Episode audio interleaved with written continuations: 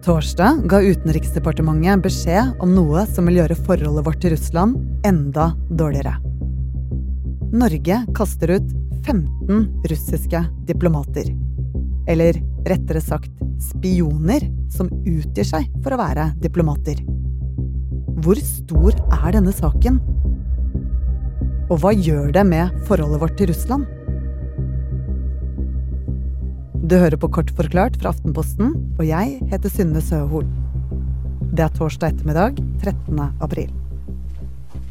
Jeg har i dag eh, gjennom eh, personer fra Utenriksdepartementet meddelt Russlands ambassadør at eh, 15 medarbeidere ved den russiske ambassaden erklæres uønska i Norge. Dette er da ikke snakk om eh, genuine diplomater, men om etterretningsoffiserer som opptrer under diplomatisk dekke. Deres virksomhet er en trussel mot norske interesser. Det sa utenriksminister Anniken Huitfeldt på en pressekonferanse i ettermiddag, og journalist Per Anders Johansen, hvor stor er denne saken? Dette er den største utvisningssaken i Norge noensinne. Altså Til sammenligning så hadde vi i løpet av 90-tallet bare 13 diplomater eh, fra Sovjet og Russland som ble utvist. Dette skjer jo fordi de har bedrevet det man på diplomatspråket kaller virksomhet som er uforenlig med deres diplomatiske status. Ja, hva betyr det egentlig? Vi vet, eh, og har visst lenge, at Russland har minst tre store etterretningsvirksomheter som, som er aktive i Norge. Du har eh, GRU, den militære etterretningstjenesten, du har SVR, etterretningstjenesten for utenlandsvirksomhet, og så har du FSB, den store, mektige sikkerhetstjenesten. Og det er jo slik at det å være av diplomatene som har vært eh, ved ambassaden her, så er jo nettopp disse etterretningsoffiserene som har høyest status. De har best lønn, de har veldig lang eh, utdannelse, trening, og, og, de er de mektigste diplomatene eh, til stede her.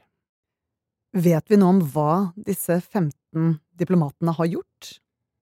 Norske myndigheter sier at det ikke er en konkret sak som er har utløst dette her nå, eh, og vi kjenner heller ikke til noe annet ennå, selv om det er mulig å spekulere. Dette begrunner man da med at det har vært en økt aktivitet over tid fra disse etterretningsoffiserene, og PST har fulgt med på hva de gjør. og man henviser da til det PST har i sine hemmelige rapporter, men vi vet jo veldig mye om hvordan de jobber.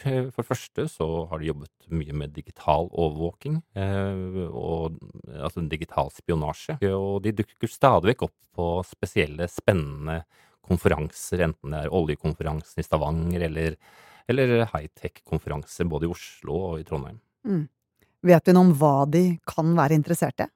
Russiske agenter er interessert i det aller meste. Selvfølgelig så er jo alt som skjer i nordområdene viktig. Eh, oljesektoren har de vært opptatt av å, å, å spionere på, og i eh, det hele tatt alt som har å gjøre med krigen i Ukraina akkurat nå. Problemet med russisk etterretning er jo at de spionerer nesten på alt mulig. Vi vet at de har løpt rundt og nærmest målt uh, høyden på tunneler og bredden på veier. Og samtidig er den også veldig høyteknologisk. Uh, fordi i etterretning så vet du egentlig aldri hva du kan ha behov for å spionere på, før du faktisk trenger informasjonen.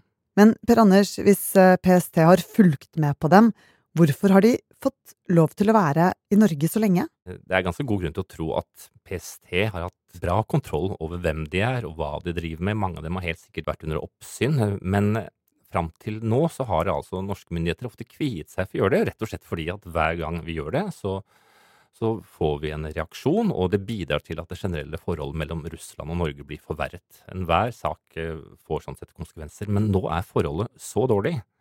Eh, det har faktisk ikke vært dårligere. Er det derfor dette skjer akkurat nå?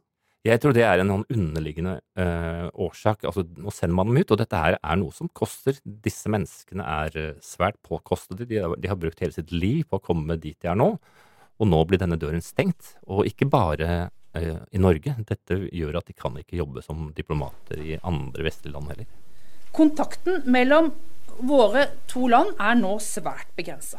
Og de økonomiske sanksjonene har gjort at det er langt mindre handel og samarbeid og det er vanskeligere å reise mellom Norge og Russland. I påsken så sa Putin at det diplomatiske forholdet mellom Norge og Russland var på et bunnpunkt. Hva vil dette ha å si for forholdet? Nei, Putin sier jo det noe alle vet, nemlig at uh, etter Russlands invasjon av Ukraina og trusselen om bruk av atombomber og denne hele kontinuerlige kampanjen mot uh, vestlige verdier, hvor uh, vårt samfunn fremstilles som nærmest uh, ja, degenerert satanistisk, så er det vanskelig å gjøre forholdet så veldig mye dårligere. Men det er jo veldig interessant og viktig å huske på at det er en del ting som går som før. Altså Man har jo et form for samarbeid i nord knyttet til fiskeri, redningssamarbeid, og, og det fortsetter å gå. Men alt annet er jo nå lagt på is.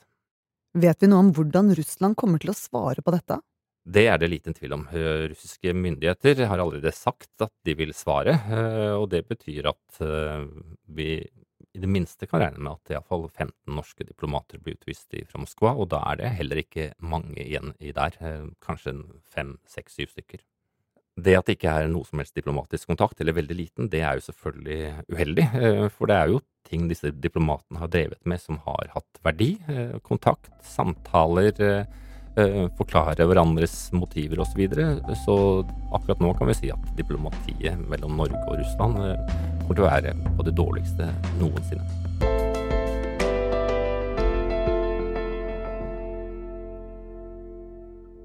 Du har hørt på Kort forklart, og det var journalist Per Anders Johansen som forklarte deg hva utvisningen betyr for forholdet vårt til Russland. Opptaket du hørte fra pressekonferansen med utenriksministeren, er gjort av NTB. Denne episoden er laget av produsent Olav Eggesvik og meg, Synne Søhol.